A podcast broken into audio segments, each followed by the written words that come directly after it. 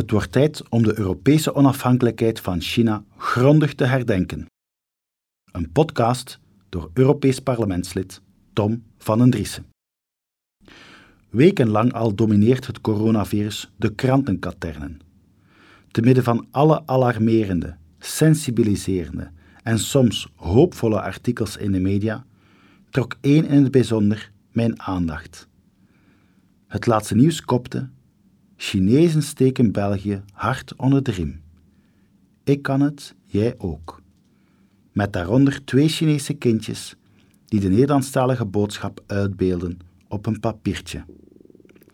Hoewel de hoopgevende boodschap van de Chinezen ongetwijfeld bedoeld is om de Vlamingen een hart onder de riem te steken, gaat er toch een bijzonder cynisch verhaal achter schuil. De Chinese oorsprong van het COVID-19-virus de Europese onmacht en de helpende hand uit Peking zijn tekenen aan de wand dat we voor een historische ommezwaai staan in de manier waarop we naar de globalisering kijken.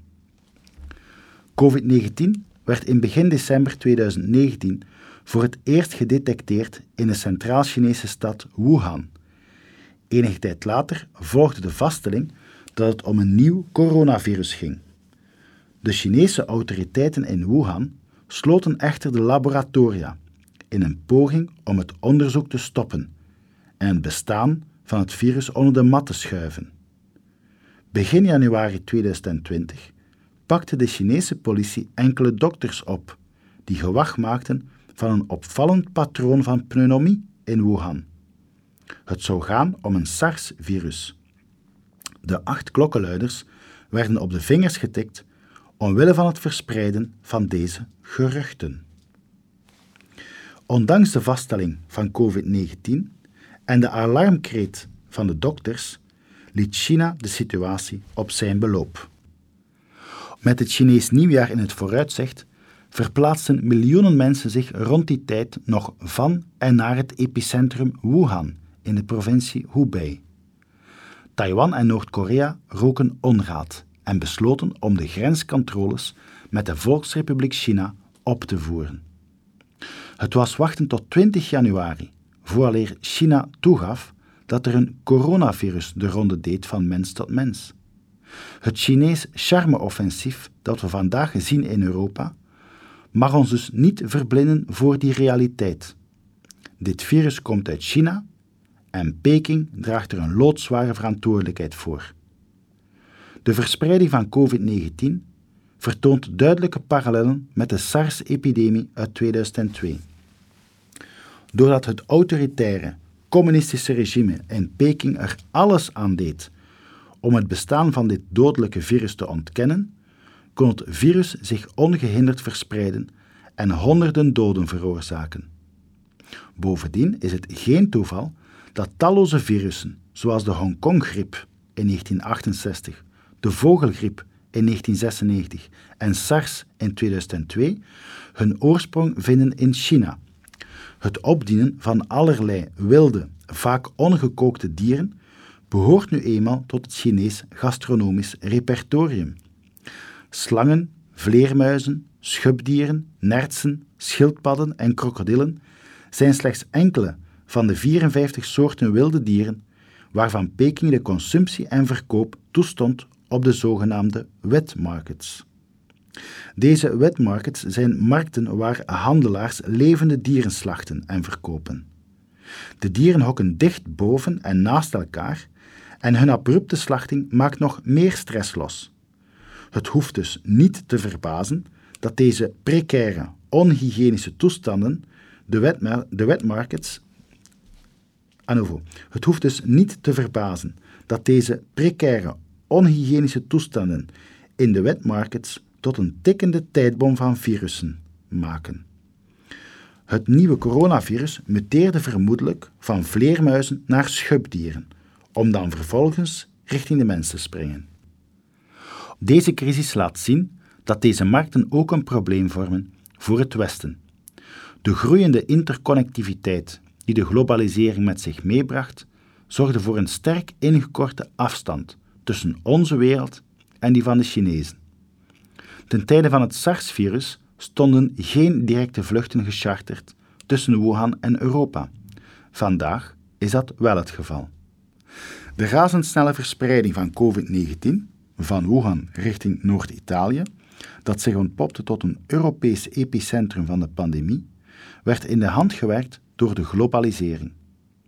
Anderzijds tonen de noodmaatregelen die tal van Europese landen namen, gaande van quarantaine tot het sluiten van de grenzen, tot de ongeziene lockdowns, aan hoe fragiel de tot voor kort onbetwistbaar geachte globalisering is. Het coronavirus was een reality check voor de Europese leiders, die in navolging van president Trump het belang van hun grenzen opnieuw inzagen. Een andere wonde die het coronavirus genadeloos openreed, is het gebrek aan economische soevereiniteit in Europa. Na de lockdown in China bleek al snel hoe afhankelijk Europa is van de Chinese economie. De uitbraak van het virus in Europa bracht een schrijnende schaarste aan medische capaciteit, medisch materiaal en medicijnen aan het licht in verschillende Europese landen. Aangezien de Europese Unie opvallend stil bleef terwijl Italië en Spanje om hulp smeekten, reikte Peking deze landen een behulpzame hand. Medisch materiaal en personeel zetten al snel voet aan land in Italië, waarop minister van Buitenlandse Zaken Luigi Di Maio de loftrompet over China stak. Maar ook in de dichte periferie van de Europese Unie rolde het coronavirus een Chinese rode loper uit. In Servië verklaarde president Alexander Vucic dat Europese solidariteit niet bestaat en dat Servië zich voortaan op China richt. De ontplooiing van Chinese smart power en het machteloze optreden van zowel de Europese Unie als haar lidstaten leggen de vinger op de wonden. Europa is te veel aangewezen op China. Landen zoals Frankrijk importeren 40% van hun farmaceutische componenten uit China, terwijl de hele wereld, wat mondmaskers betreft, afhankelijk is van Chinese import. Meer dan ooit moet deze farmaceutische en medische schaarste in Europa, veroorzaakt door afhankelijkheid van een hamster in China, Europa ertoe aanzetten om lokaal te produceren. We moeten de Chinese dumping een halt toeroepen en herindustrialiseren. Laat naast de gesloten grenzen ook de nieuwe protectionistische maatregelen die sommige Europese landen namen een nieuwe trend zijn. Een laatste pijnpunt dat de COVID-19-crisis blootlegde, is de kromlopende ziekenhuiscapaciteit in Europa. De redenering achter de niets ontziende quarantaine- en lockdownmaatregelen in Europa is dat we de exponentiële curve die het virus volgt moeten afvlakken. Flatten the curve heet dat dan in het Engels. Als de curve de lijn die het aantal bedden op intensieve zorgen vormt ruim overstijgt, raken de ziekenhuizen oververzadigd.